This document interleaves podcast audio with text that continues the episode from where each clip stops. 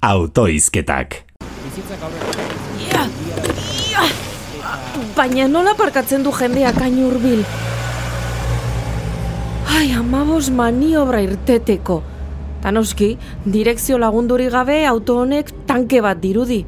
Huh, lehengo egunean ikusi nituen bezalakoak. Mutil gaixoak. Hotzak maniobra gora eta maniobra bera. Taizu, ure ikusi nuenean, historia horreko irudiak ematen zuten.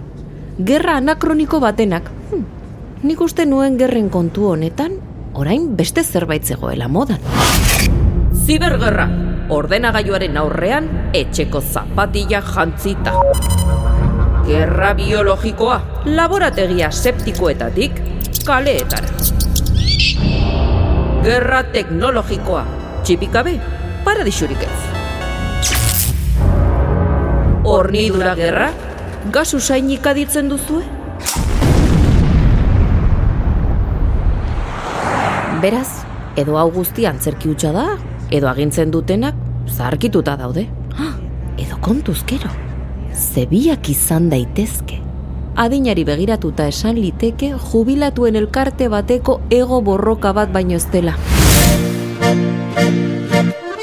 Beraietako bat Santa Monikan petankan jokatzeko moduan dago. Eta zur, espadabil, konturatzerako gizaki laranjaduna baino beherago agertuko da populartasun zerrendan.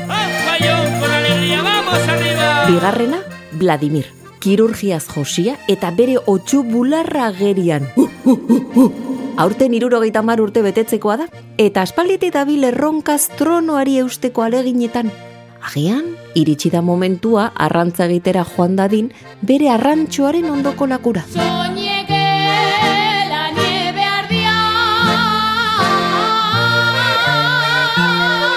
Eta azkenik, atxozarra, Europa, takataka irauliko zaion beldurrez, eta munduan duen privilegiozko postuak galdu dezakeela eta berdin dio arre edo so.